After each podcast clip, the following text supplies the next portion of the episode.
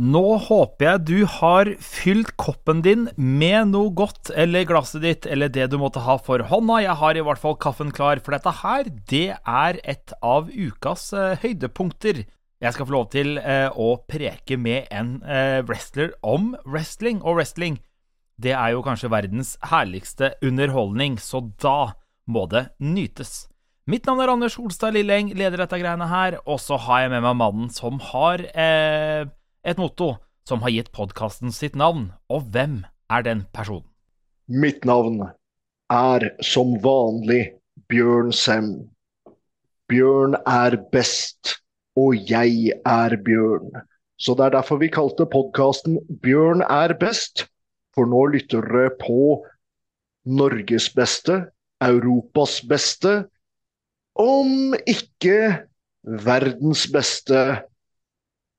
1,93 høye, 120 kilo tunge, langhårede wrestler med skjegg. Da har jeg lagd marginene såpass små at jeg er ganske sikker på at jeg greier å fylle dem til at jeg er den beste innenfor den beskrivelsen. Den er bra. Rett og slett, der fikk du sifra. Vi har den beste innenfor de marginene. Og du, hjertelig velkommen til deg som hører på. Eh, hvis du vender tilbake igjen, tusen takk for at du gjør det. Og hvis du eh, er ny, hjertelig velkommen, eh, og takk da den personen som tipsa deg om denne podkasten her. Det setter vi pris på. Du kan sende oss meldinger, gjør det. Du kan gå inn på Spotify, der er det et eget kommentarfelt. Hvor du kan legge inn en kommentar til oss hvis det er noe du har lyst til å uttrykke, eller et minne du har lyst til å dele, eller hva som helst om wrestling. Send det inn, det setter vi pris på. Du, I dag, Bjørn, så har vi en lang liste over ting vi skal preke om. Også som vanlig så skal vi også se en kamp til slutt, eh, som du skal få lov til å kommentere og lede oss igjennom. Men vi begynner på denne lista her, vi, Bjørn. Og vi begynner med Impact. Ja, det som het Impact i veldig mange år nå. Men før det het Impact, så het det TNA. Og dette er litt forvirrende, egentlig, fordi Impact var navnet på TV-programmet til TNA, da TNA eh, hadde et TV-program.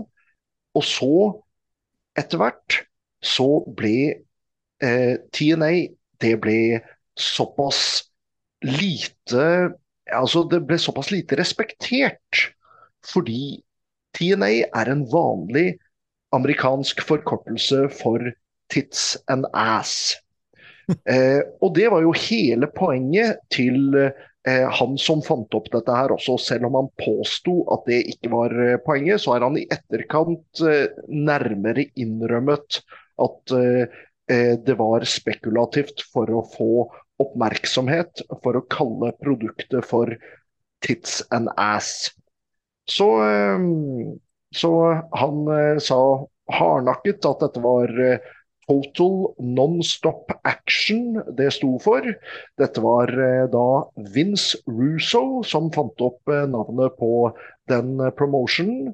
Som eh, Jeff Jarrett og hans far Jerry Jarrett, en gammel, gammel, promotor fra Memphis som samarbeidet veldig lenge sammen med Jerry the King Lawler. Eh, de gikk sammen, eh, altså ikke Jerry Lawler, men eh, Jerry Jarrett og Jeff Jarrett. Jeff Jarrett wrestler for øvrig fremdeles. Han er ansatt av eh, AEW for øyeblikket. Og har hatt eh, masse å gjøre i både WWE, skråstrek WWF, og i WCW i sin tid. Og tilbake Han startet jo i Memphis, der eh, hans eh, far og eh, Jerry Lawler hadde et forbund, USWA, eller USWA. så da Jerry Jarrett og Jeff Jarrett gikk sammen om å starte et nytt forbund fordi de syntes det rett og slett eh, var et hull som måtte fylles da eh, VCV gikk ut av eh, business og solgte eh, eiendelene sine til WWF på det tidspunktet, som veldig kort tid etterpå ble WWE. Eh, da eh, ble det sånn at eh, de ville ha med Vince Russo. Og Vince Russo han var ikke på godtone med eh, WWE. Han var eh, Han hadde nemlig eh, forlatt WWE for å eh, være en av sjefene i WCW. Og eh, han er kjent for å ikke sette stor pris på wrestling. Han er kjent for å sette mye mer pris på sjokkunderholdning, sjokk-TV. Han kommer fra den generasjonen hvor man eh, gjør sånne ting som Jerry Springer ville gjort på eh, TV-programmet sitt. Eh, men eh, jeg tror faktisk at Jerry Springer, som har gått av eh, med Som har eh, dødd for ikke så forferdelig lang tid siden. Jeg tror Jerry Springer var litt smartere enn det Vince Russo var. Fordi Jerry Springer gjorde et format som ville holde seg over tid. Mens Vince Russo han fant på så mye rart, men hadde på en måte ingen retning å gå med det. Han kom på mange ville ideer, ville tanker, uten å, eh, uten å kunne levere, og brydde seg egentlig ikke noe særlig om matchene som var på et wrestlingprogram. Han ville bare ha alt pratet, alt dramaet rundt. Han skulle jo ha swerves hele tiden. skulle han ha swerves. Det skulle hele tida vri hit, vri hit, være overraskelser. Kaos, rett og slett. Ikke sant? Kaos og overraskelser. Og når alt alltid er kaos og overraskelser, så blir ikke overraskelser så overraskende lenger. Det er det som er problemet. Um, så da blir det jo ikke sjokkerende lenger når man får sjokk på sjokk på sjokk på sjokk hele tida. Uh, så Vince Russo har jeg egentlig veldig liten respekt for av de navnene som fins fra wrestlingverdenen. Eh, men eh, Jeff Jarrett eh, hadde noe sans for Vince Russo etter de hadde samarbeidet en del sammen. Og jeg syns det var en bommert av selskapene som ble hetende TNA på forslag fra Vince Russo, at de i det hele tatt hadde han involvert. Tross det så var det en del veldig flinke talenter involvert i eh, TNA i sin tid. Vi hadde Christopher Daniels, vi hadde AJ Styles, vi hadde eh, Low Key, vi hadde eh, Jerry Lynn, vi hadde Samoa Joe. Vi hadde en mengde flinke folk. Etter hvert så kom jo Kurt Angle dit også, etter han var eh, blitt eh, uenig med Vince McMahon i WWE om eh, noe. Og eh, det kom, og Christian Cage kom dit, som etter min mening gjorde en fabelaktig jobb der. Men eh, det var egentlig ledelse det skortet på i det forbundet, etter min mening.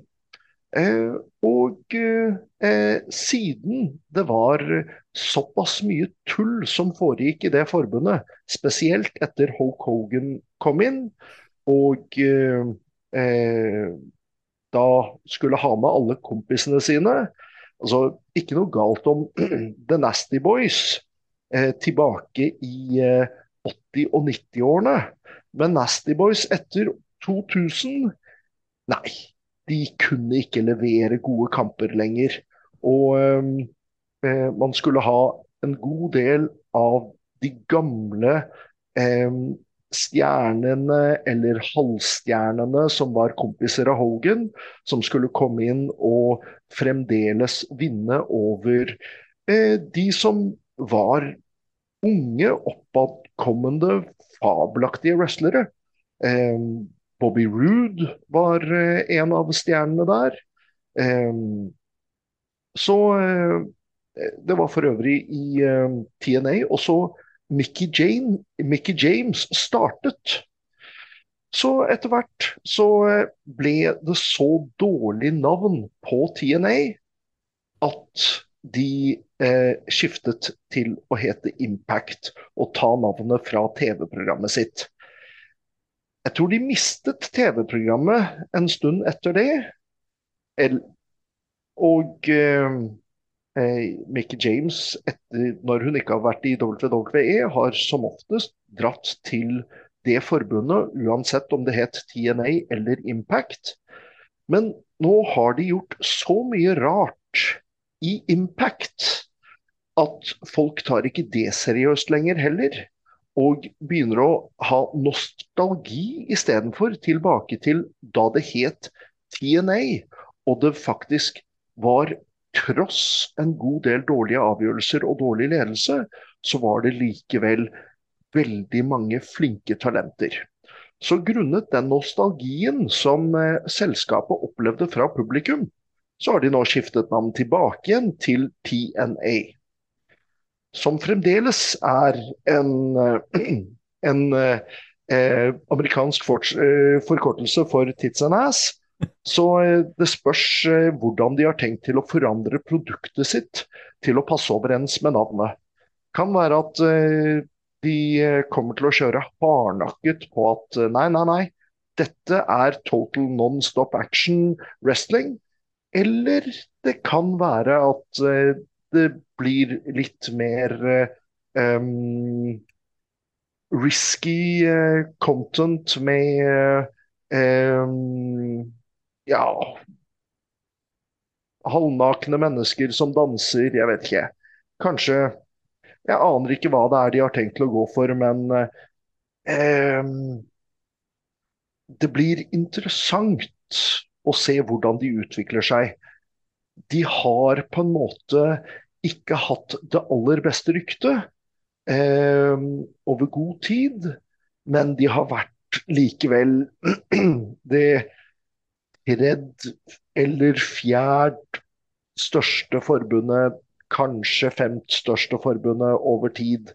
Det er litt sånn, sånn Det har vekslet mellom Impact, MLW og eh, Eh, etter Ring of Honor eh, så var det jo NWA som mm. kom tilbake igjen under Billy Corgan. Og det har liksom vekslet mellom dem av hvem det er som har vært det tredje største forbundet siden AEW startet. Mm.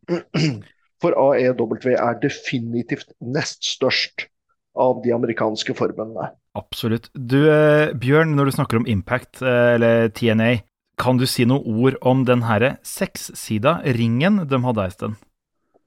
Jeg har faktisk wrestlet i en sekssidet ring en gang. Hvordan var det? Fortell. Nei, altså, jeg brydde meg ikke. Jeg vet at det er masse wrestlere som bryr seg veldig om det, fordi det blir så uvant.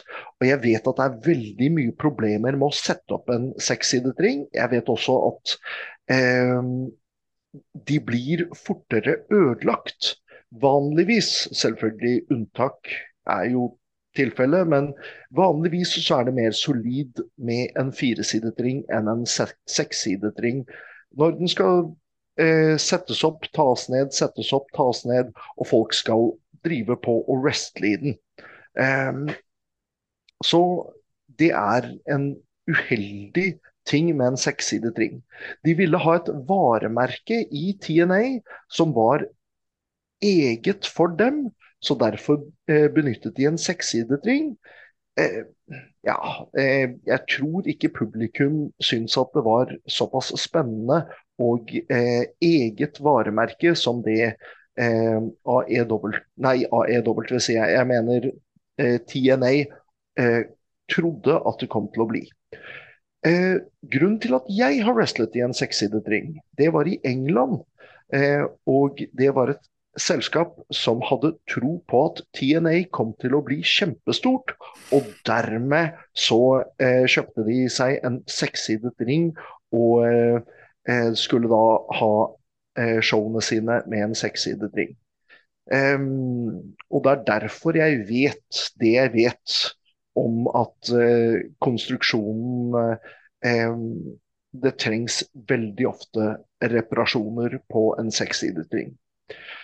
Um, og jeg har hørt veldig mange andre som jobbet i samme type ringer, både i TNA, men også i England, som har uh, vært misfornøyde med det.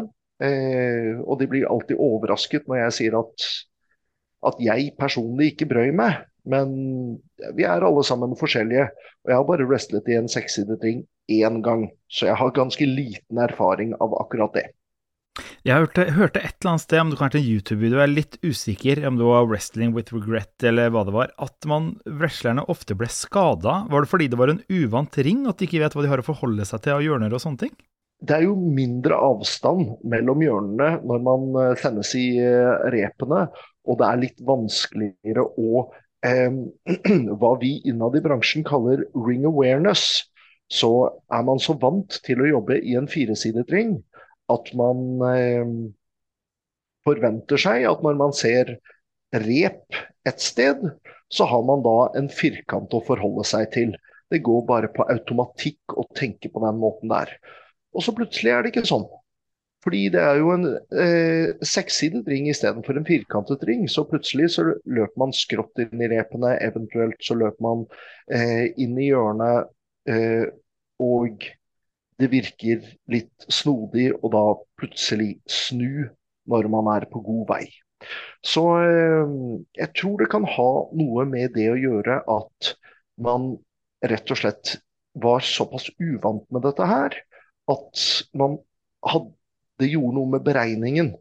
Mm. Eh, man feilberegnet eh, ting til tider.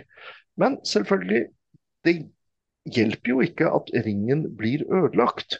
Så hvis ringen blir ødelagt under en match eller i matchen før, så er det jo høyere potensial for skade bare av det også. Så det kan være av begge grunner i og for seg. Eh, jeg tror eh, Og for øvrig, det er dyrere med en sekssidet ring også. Så jeg tror eh, det er en mye bedre idé å kjøre en firesidet ring til ehm, wrestlingselskapet sitt, istedenfor å kjøre en sekssidet ring til wrestlingselskapet sitt. Her i Norge bruker vi en firesidet ring, og eh, jeg har ikke tall på hvor mange forskjellige promotions som jeg har jobbet for gjennom årenes løp, men jeg har bare vært i en sekssidetring én gang, så det er ikke veldig mange av dem. Du, vi går videre på lista vår, vi, eh, Bjørn, over eh, emner i dag. Nå skal vi til Brian Pillman jr. Ja, Brian Pillman jr., som for så vidt er en ganske så flink wrestler. Eh, og eh, sønn av eh, Brian Pillman, som de eldre fansene der ute vil kjenne igjen fra, fra 80- og 90-årene. og Brian Pillman var jo en av de veldig, veldig flinke wrestlerne i WCW, som etter han var eh, etter han var ganske ødelagt i kroppen, kom til eh, WWF, og eh, i WWF fremdeles var veldig spennende på mikrofonen. Men han var ikke lenger en så bra wrestler i ringen, rett og slett fordi kroppen hans ikke tålte så mye lenger. Døde også uheldigvis i relativt ung alder, eh, og var eh, en eh, langvarig tag team champion sammen med Steve Austin. Som vi, de fleste av oss kjenner til som Stone Cold Steve Austin senere. Men da de var tag team champions sammen, så var de The Hollywood Blondes. Da var de Flying Brian Pillman og, og Stunning Steve Austin. Eh, så eh, Brian Pillman han, eh, han, lagde et digert navn for seg i eh, wrestlingen og var veldig høyt respektert. Det ble til og med holdt årlige show en liten stund i USA, eh, hvor eh, alle forbund de lot sine wrestlere få dra på de showene for å ære Brian Pillman, uavhengig av hvilket forbund de tilhørte, og om det kom noen wrestlere fra forbund de var i krig med på de showene. Så det sier ganske mye om hvor høyt respektert Brian Pillman var. Men før Brian Pillman døde, så greide han å få eh, barn. Og eh, et av disse barna er eh, Brian Pillman jr., som bestemte seg for å bli wrestler, han også. Eh, og han har jobbet i AEW over en periode, men tross at han har fått en del medieoppmerksomhet og en del løft fra andre kanter enn det forbudet han jobbet for, så har de på en måte aldri benyttet seg av eh, de eh, promoteringene som han har fått, bl.a. ved eh, at det var en episode om hans far i 'Dark Side of the Ring'. Eh, som var en veldig, og fremdeles er, en veldig populær dokumentarserie. Eh, så eh, Brian Pillman jr. han ble på en måte bare ansatt og så en, en, en, en slags eh, Vel, han vant noen kamper, men hvis han gikk, gikk, mot noen som helst som de hadde tro på eller var navn, så tapte han alltid i AEW. Nå har han derimot eh, hoppet av AEW og kommet til WWE, hvor de ikke ønsker å bruke navnet hans. De ønsker ikke å kalle ham Brian Pillman jr. Eh, de ønsker å kalle ham eh, Lexis King. Eh, og eh, det vil jeg De har en bortforklaring på det, og de anerkjenner at han er sønnen til eh, Brian Pillman. Men de, eh, de, de ønsker jo selvfølgelig Eller selvfølgelig, de ønsker å eie navnet. Slik at eh, Og det er noe WWE har gjort i årevis.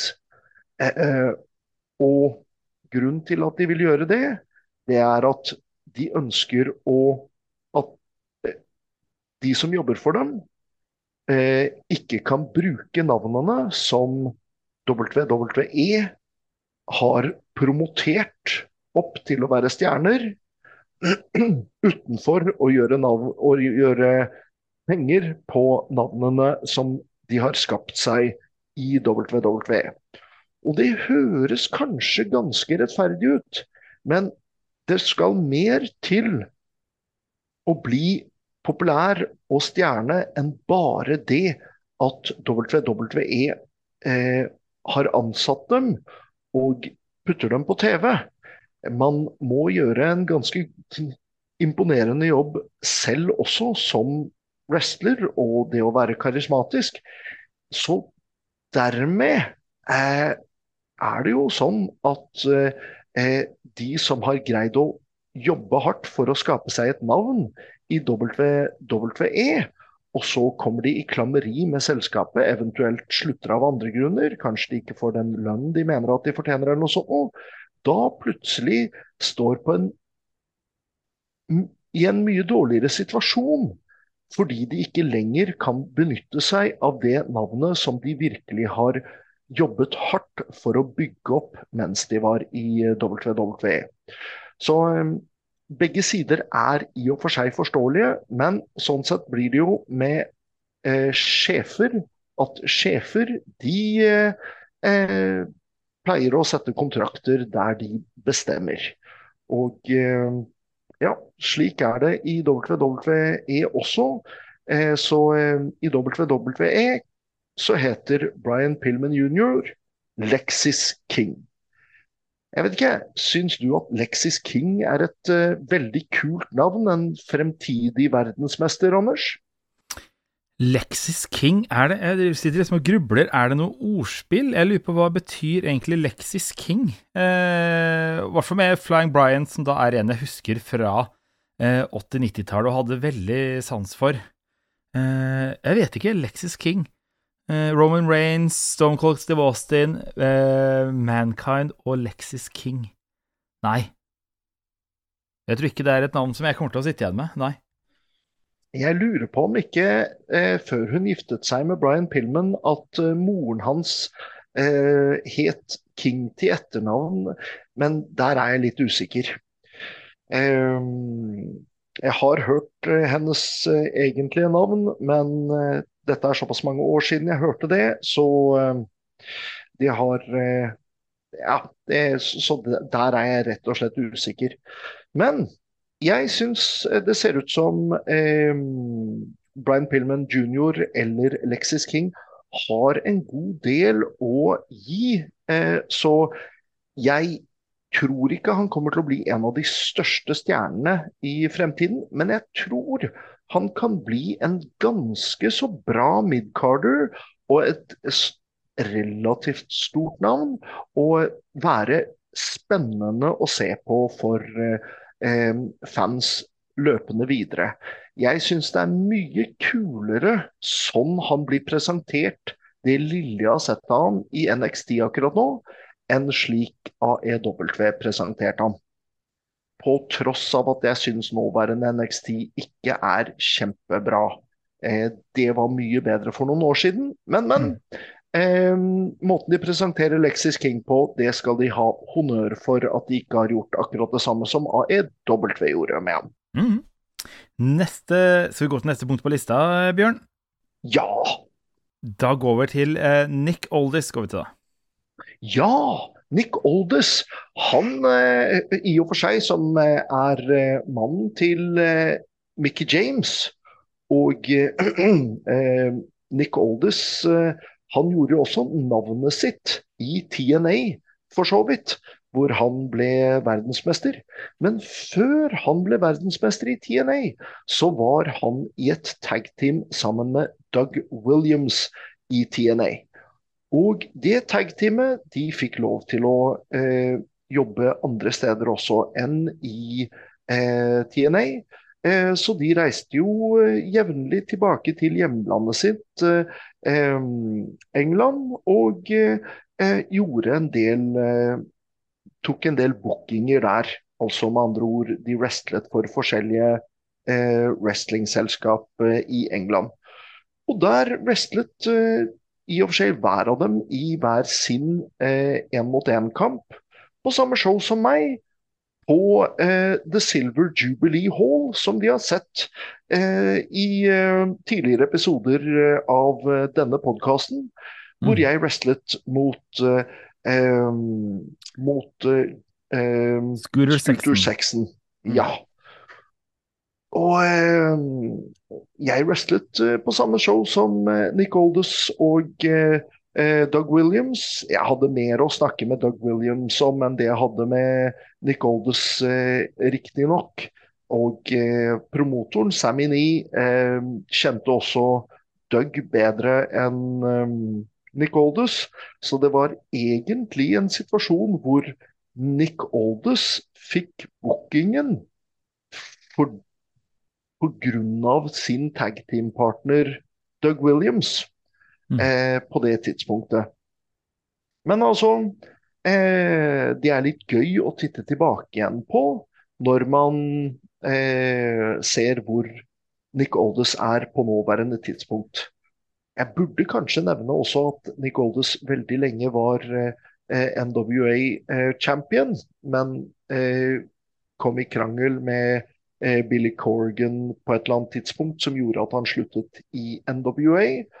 Og eh, jeg trodde egentlig at han var blitt litt for gammel til at eh, WWE kom til å ansette han.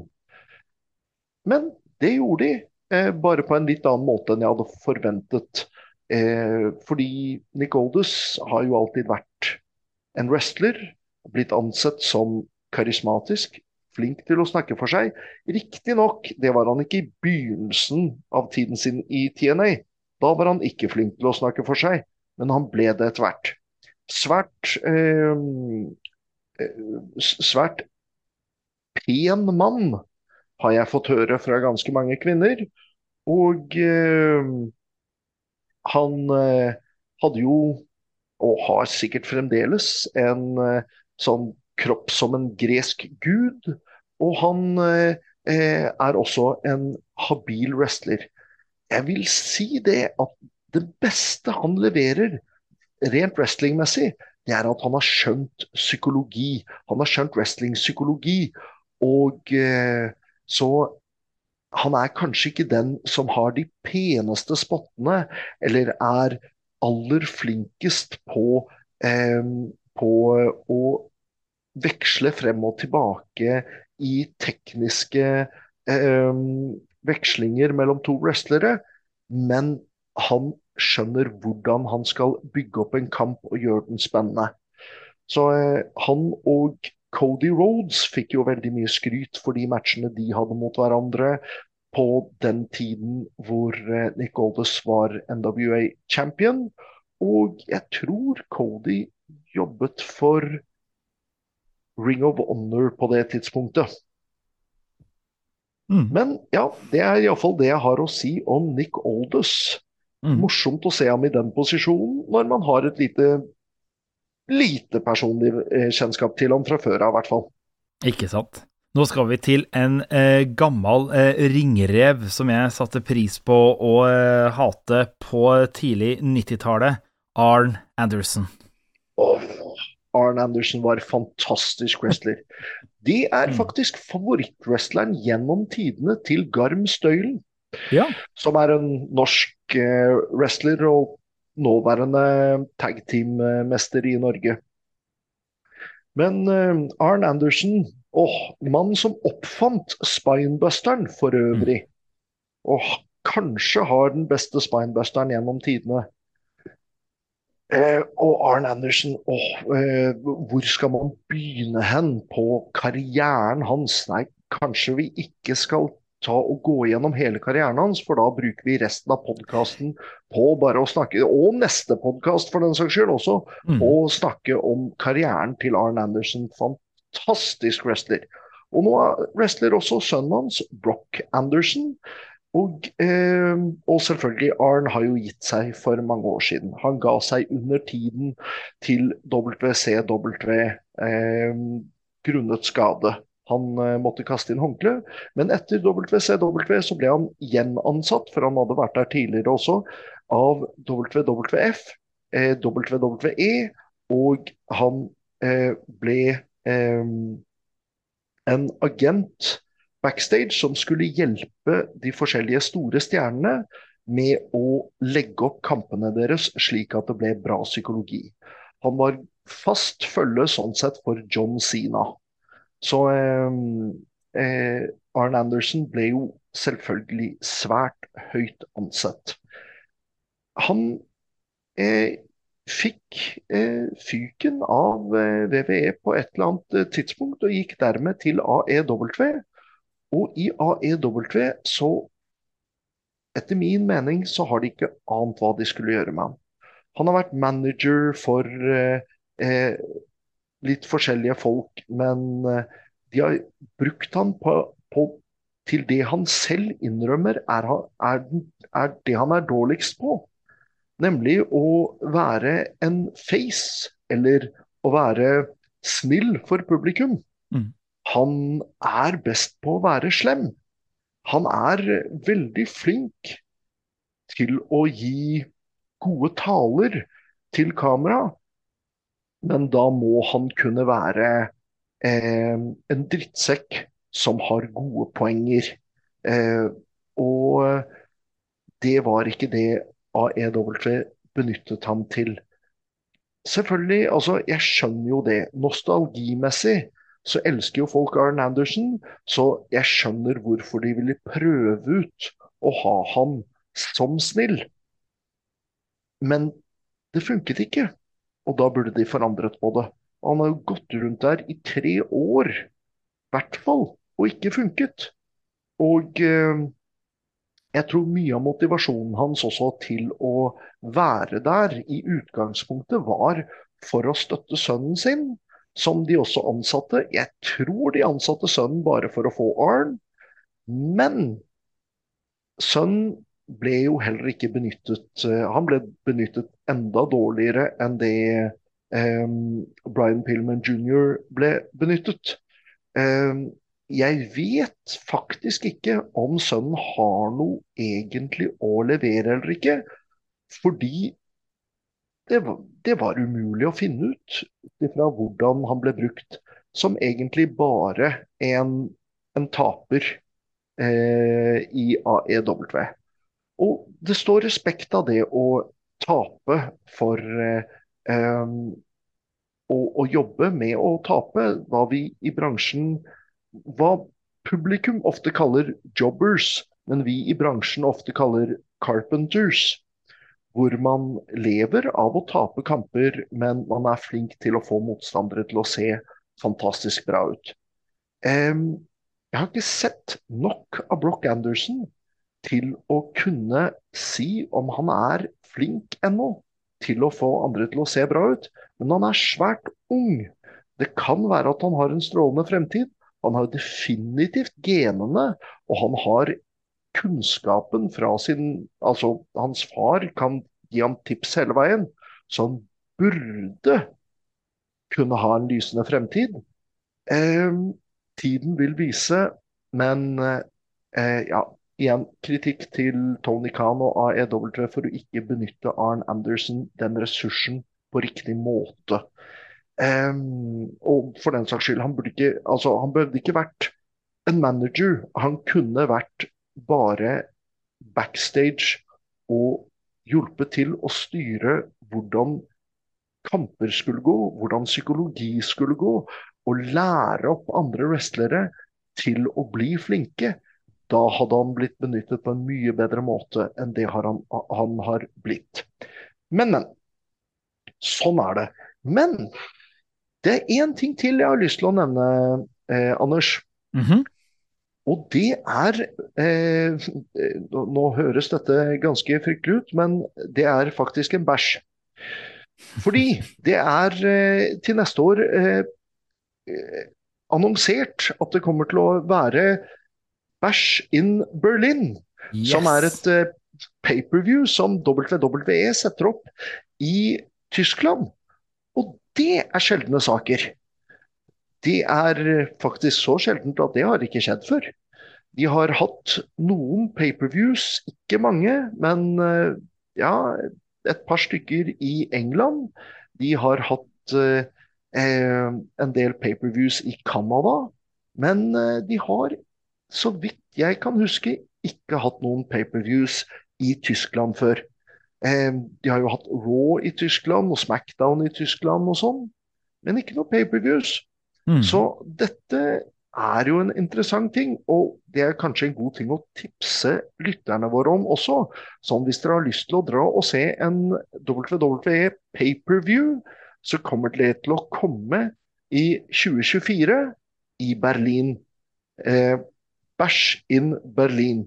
Og yeah. bæsj betyr jo noe helt annet på norsk enn det de gjør på engelsk. Ja. Så ikke misforstå. Det er ikke avføring vi egentlig snakker om. Her snakker vi om eh, Ja hva, Hvordan skal vi forklare eh, hva bæsj er i eh, engelskspråklig eh, en Skal jeg si for noe? Eh, en kalas bare høres litt mer brutalt ut enn fest. Ja. Noe i den duren. Sånn. Eh, hva er det jeg skal si for noe? Det er jo da den 31. august 2024 på Mercedes-Benz Arena, heter vel det. Mercedes-Benz Arena i Berlin. Så blir det da Bash in Berlin. Eh, uke etter eh, AEW All in London. Så de regner nok med å ta en bit av Det er vel ikke like stor arena, etter hva jeg har forstått, men de skal vel ta en saftig bit av den kaka til Tony Khan, bare på, litt på faen også, tror jeg. ja, det tror jeg også. Jeg tror mye av motivasjonen her var uh, rett og slett å konkurrere mellom selskapene. Men eh, la oss som europeere eh, nyte godt av konkurransen mellom eh, disse to eh, selskapene. Fordi da, Det vil si at eh, vi får eh, to pay-per-views, ett fra hver av de to største forbundene i USA, med sa du en uke forskjell, Anders? 25. august er All In eh, i London, eh, og 31. august er Bash in Berlin. Ja, så det blir eh, Seks dager. Mm. Det blir seks dager forskjell, og eh, det kan jo være en mulighet for eh, store wrestlingfans her i Norge å eh, ta seg en liten ferie og en liten Europa-rundreise og få med seg begge to. Mm. Rett og slett. Du, var du på WWE var i Spektrum, var det det? I 2019, tror jeg det var. Var du på det? Absolutt, det var jeg. Og eh, jeg syns jo eh, i og for seg at det var eh, ganske gøy. Det er en gammel sånn det, er, en gammel ting i wrestling at Tradisjon, kan man kalle det. At man alltid tar med seg gear hvis man skal på et wrestlingshow, uansett om man wrestler eller ikke. Mm. Det er fordi egentlig hvis, at man skal kunne fylle inn hvis det blir noe sykdom eller noe sånt. Men det er på en måte blitt sånn at hvis man drar på et wrestlingshow som wrestler uten å ha med seg gearet sitt, altså utstyret sitt, eh, det er å vise null respekt for forbundet som man besøker. Så jeg tok med meg gearet mitt på det showet.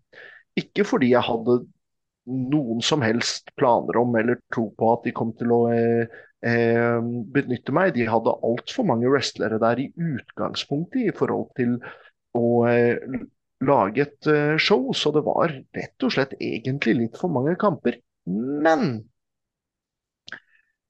bare for å vise respekt. Selvfølgelig, de som sto i døra, de visste jo ikke det. Så de eh, sa sånn, du kan ikke ta med deg bagen inn. Nei, nei, men det er helt i orden. Men bare sånn at dere har merket dere det, at jeg har den med. Så kan dere backe meg opp på det hvis noen spør meg på et senere tidspunkt. Ja, ja men det er helt ålreit. Det var en av vaktene som til og med kjente meg. Mm. Eh, så jeg stakk til eh, Jernbanetorget og eh, la inn bagen min eh, der i en sånn oppbevaringsboks. Og så eh, kom jeg tilbake igjen for å eh, dra inn på showet. Og eh, på det tidspunktet jeg kom tilbake igjen, så hadde de fått beskjed fra noen i VVE at jeg skulle få lov til å ha med meg bagen inn, for jeg var en wrestler. Så sånn, Det er jo i og for seg veldig, veldig kult. ja.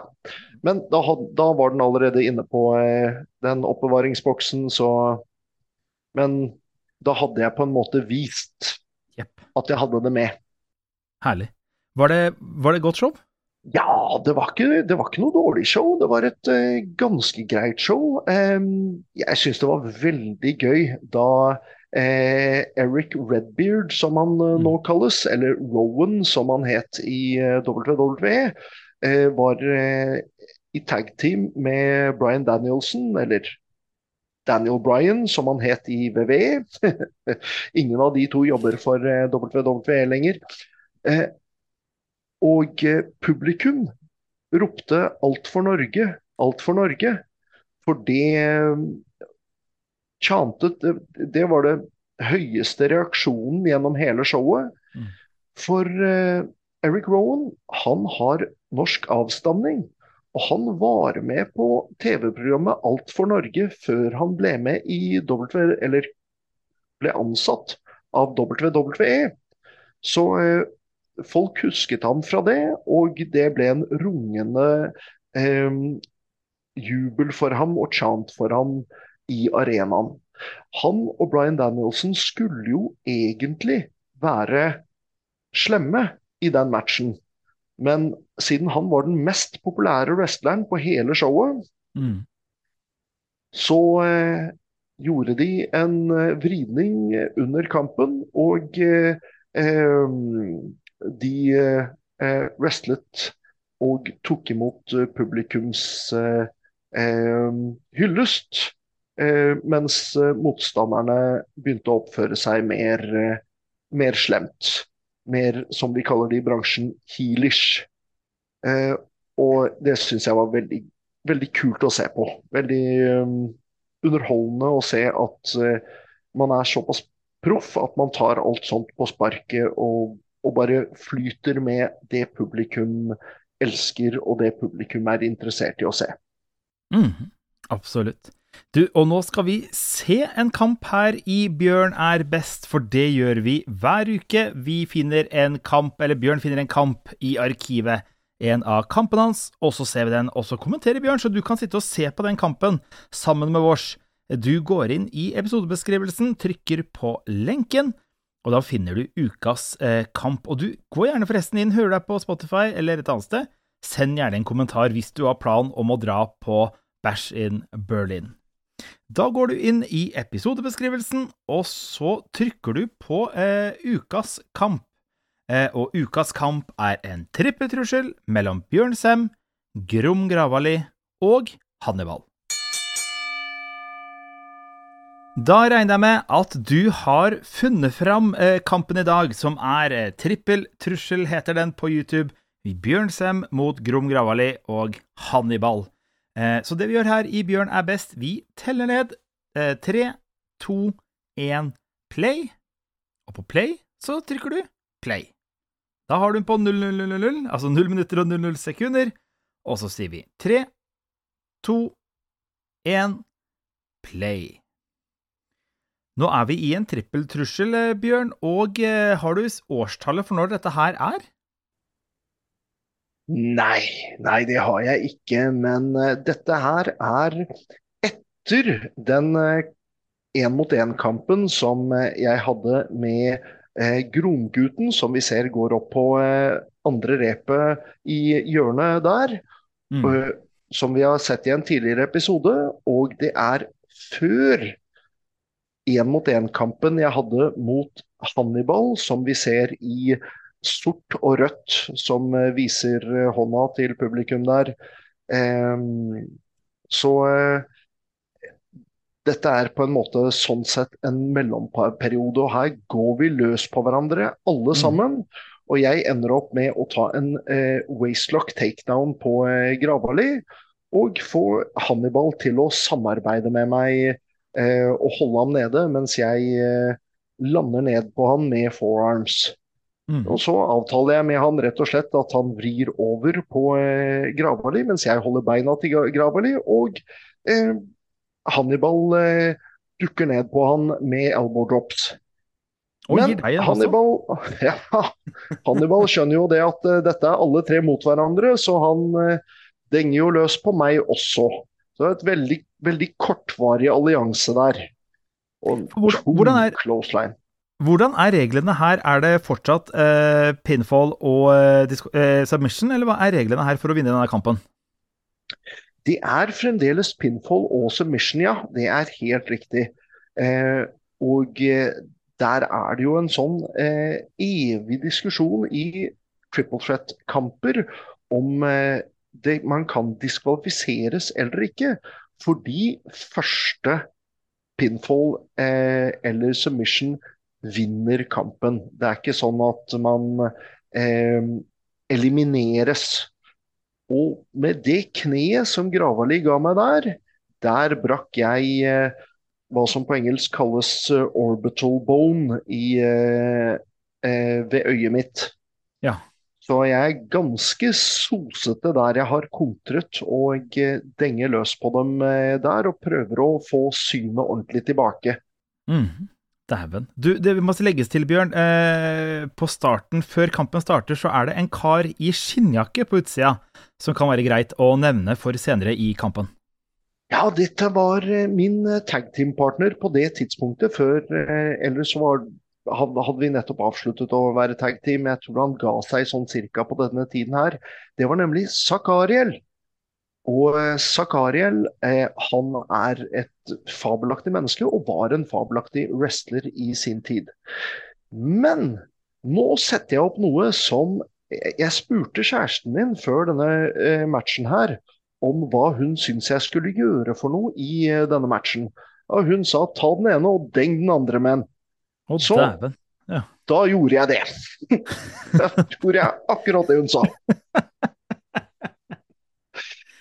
Eh, men eh, ja, tilbake til eh, eh, Fordi vi, det vi ikke får med oss her, det er at det er en annen dommer enn han vi ser inne i ringen, som ønsker å dømme denne kampen. Men, har, men den dommeren, han hadde dømt urettferdig mot meg på veldig mange tidspunkt. Og eh, så eh, dommeren som er i ringen, sa at han hadde å komme seg ut fordi han fikk ikke lov til å dømme flere av mine kamper. Og han i skinnjakka, han jagde den dommeren eh, ut. Det er en grei ting å få med seg til senere i denne kampen, Yeah. fordi det skjer noe som gjør at den dommeren han prøver å stikke snuta si tilbake igjen i ringen. Og Gravali sender meg utover topprepet baklengs. Syns jeg var eh, veldig slemt av en ganske så ordentlig og koselig mann. Men, men. Sånn er det, for vi er wrestlere. Ja, Gravali har full kontroll på situasjonen. Jeg prøver å ta meg en liten pause på eh, utsiden, men samtidig så eh, er jo det risikabelt, fordi i mellomtiden så kan jo en av de to i ringen vinne. Så Mm. da griper jeg tak i beina på eh, Hannibal, men Hannibal er altfor kjapp og oppegående til å bli med på det, så han eh, slår til meg. ja, her går det litt frem og tilbake, som ender opp oh, med at ja, Hannibal kaster meg med en suplex eh, på parketten mellom publikumsradene. Mm. Dette skjer for øvrig på Bullsalen i eh, Oslo sentrum. Og eh, den heter ikke Bullsalen lenger, men jeg husker ikke hva den heter nå. På det tidspunktet her så het den Bullsalen. Det var en arena vi brukte ganske så mye. Eh, en arena på tross av eh, at det ikke ser enormt kult ut for kamera, så hadde jeg veldig stor sans for den. Og eh, ja, jeg syns det ble god stemning der. Ja, jeg må si meg veldig fornøyd med Nordic facelift fulgt opp av en eh, høy senton som jeg gir Gravali der, og setter han opp, og powerbomb. Så Mm. der burde det være ferdig. Mm. Om det ikke hadde vært for at Hannibal var altfor frisk og eh, kom seg inn i ringen og stoppet det. Ja, for det blir jo utfordringa med en kamp som her. Du må liksom Altså, det er faktisk to du må slå ut for å få tatt eh, en av dem. Helt riktig. Og Og oi! Dæven. Hurricane Rana. På den Det er tiden så var jeg imponerende. Ja. ja. Selv om jeg ikke er så eh, rund lenger som jeg var på den tiden der, så eh, er ikke det noe jeg er i stand til å gjøre lenger. Men uh, tusen takk. Jeg var veldig stolt på den tiden av at jeg var den nest største mann i verden som, som utførte det. Mm. Men uh, ja ja, det, det er kanskje man, ikke, man, man er kanskje ikke så godt husket for å være nest noe som helst. Du, er det her en ring som du føler deg eh, trygg i, for den beveger seg ganske mye? Den beveger seg mye. Jeg føler meg eh, trygg i den. Det skal sies det at den har jo tatt imot mye juling, og vi har skiftet ring i etterkant. Det skal også sies Og Cannonball fra eh, Hannibal. Det, ja, jeg har også tatt imot sånne. De er tunge. Men um, men det skal også sies at dette er tre stykker på høy vekt. Og uh, da jeg uh, wrestlet denne kampen her, så var jeg nok nærmere noe av mitt tyngste. Jeg er ikke helt sikker på om jeg lå ved 140 eller 150 kilosklassen her. Men eh, jeg vet at jeg veide over 150 da jeg var på det tyngste. Kan være at dette ikke var det tyngste. Der fikk dommeren seg en uh, trøkk Ja, klemt borti hjørnet. Og, ja, og dommer Thomas, fantastisk fyr, var med Norges Wrestlingforbund fra ganske begynnelsen, og Gravali viser enorm styrke. Mhm. som eh, kaster meg over skuldrene og ned på kneet sitt. Det gjorde han i forrige også. Der så vi dommeren som jeg snakket om, som prøvde å komme seg inn og telle meg ut. Og Zakariel tar tak i ham og river ham ut av arenaen. Fantastisk fyr, Zakariel. Og et spear fra Hannibal på Graveli. En triple threat sånn som dette her. Her i Norge så skjer det mye og hurtig. Og Hannibal, Hannibal plukker meg opp på eh, ryggen sin, og en Samoan drop. Det, det er også veldig sterkt gjort. Så eh, eh, Som jeg nettopp nevnte, jeg var en veldig tung mann på den tiden. Men eh, vi er vel de tre største og sterkeste gutta i forbundet som var på denne tiden her, som alle sammen er samla i denne matchen, tror Mm. jeg. Mm, Isaksen har jo alltid vært i fantastisk form, men det spørs om han egentlig hadde tyngde nok til å konkurrere med noen av oss i styrke. Mhm. Og eh, ja, er to wrestlere jeg har enorm respekt for. Gravali har uheldigvis gitt seg, men Og der sender han eh, Hannibal ut av ringen, og jeg utfører polar bear-bomben Mhm. på eh, Gravali, og den vinner jeg på. Jepp. Hannibal rekker ikke å komme seg inn igjen og stoppe den i tide. Så eh, dette er vel første gangen vi har sett Polar Bear-bomben på eh, noen av episodene på denne podkasten. Mm. Eh, og eh, det, det var et kast jeg var veldig stolt av. Også en ting som jeg ikke gjør lenger, rett og slett for å ikke utsette ryggen min for eh, å få noen komprimerende støt. Mm. Men eh, eh, det var aldri det kastet som i utgangspunktet ødela ryggen min. Så eh, det, det er ikke noe som jeg vil si at andre wrestlere ikke kan stjele. At det er eh, et eh, veldig farlig grep å gjøre. Det er bare det at når man har hatt to- ryggoperasjoner eh, i korsryggen, så burde man kanskje være forsiktig med hva man, eh, man gjør for å ikke behøve å da eh, utsette det svake punktet. Det der, det var ukas kamp, det. Ja, hva syns du om den, Anders? Var, den var meget underholdende. Eh, trøkk, kraft og tempo. Intensitet. Jepp. Tusen takk. Jeg var også veldig fornøyd med den. Og vi har nå sett i løpet av episodene våre to triple threat-matcher som eh, jeg har vært med i. Og jeg tør påstå selv at eh, jeg er veldig flink på å gjøre triple threat-matcher. Eh, som jeg har nevnt i en tidligere episode, det var vel forrige gang vi viste en triple threat-episode, et triple threat-match, at eh, det tok meg lang tid å skjønne hvordan. Men etter jeg skjønte det, så eh, ble de veldig, veldig bra. Mm. Iallfall etter min mening. Eh, skryter av meg selv her, men eh, ja ja. Når eh, podkasten heter 'Bjørn er best', så burde det kanskje forventes.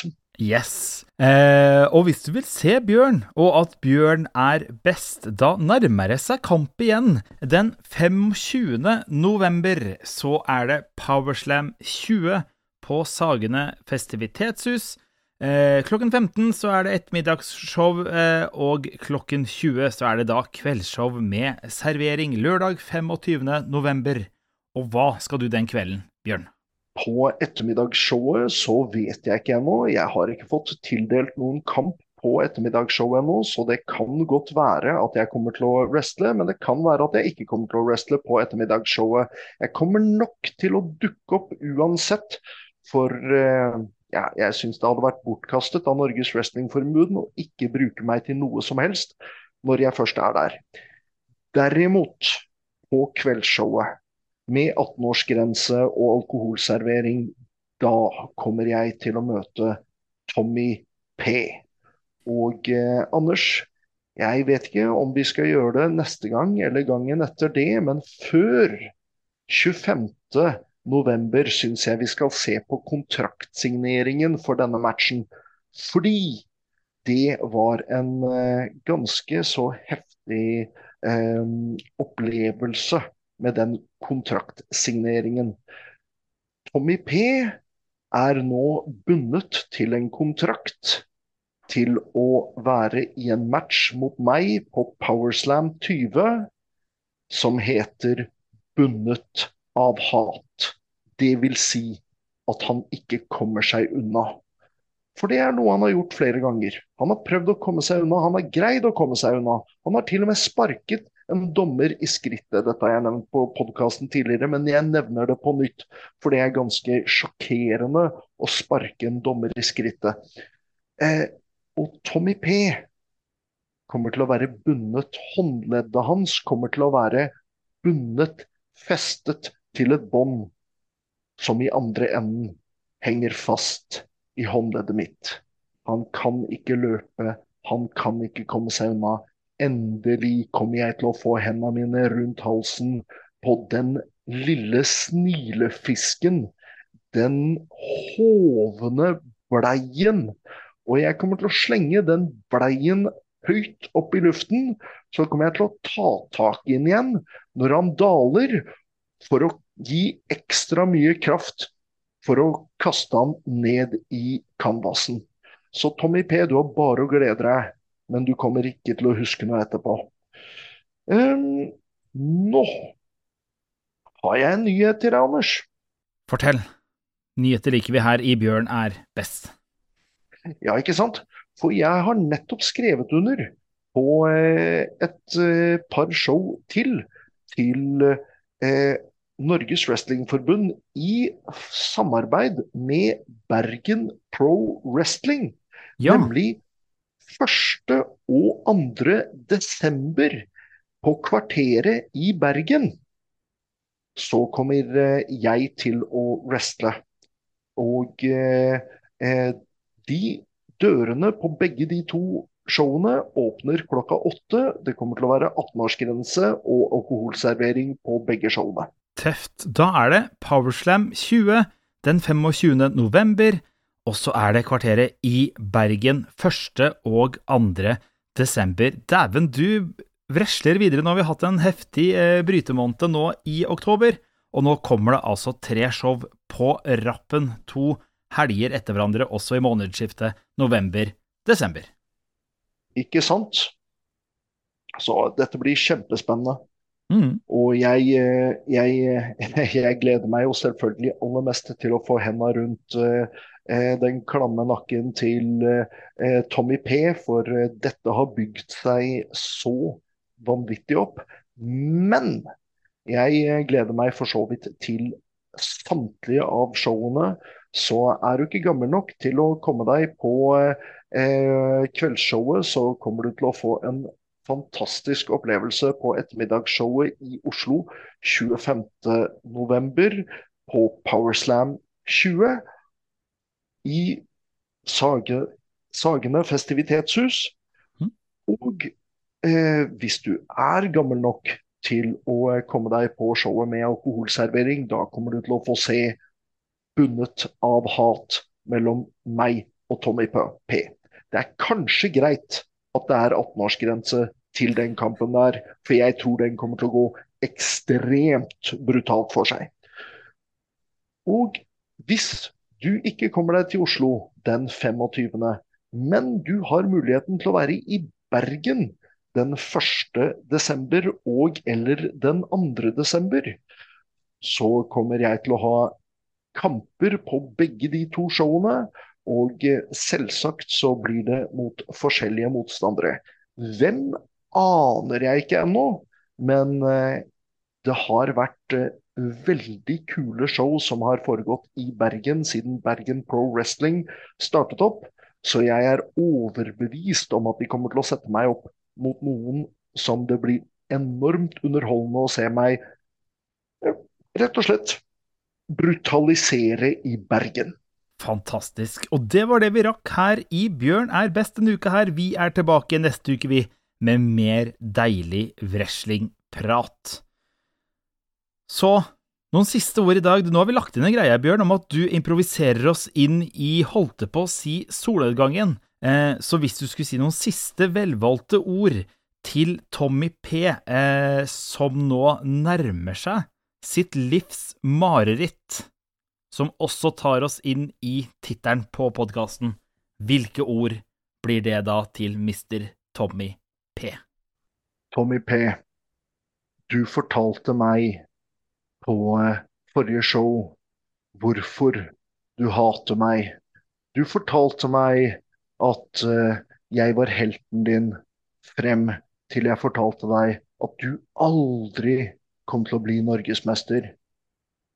Men uh, Tommy, du motbeviste det jeg sa. Du ble norgesmester.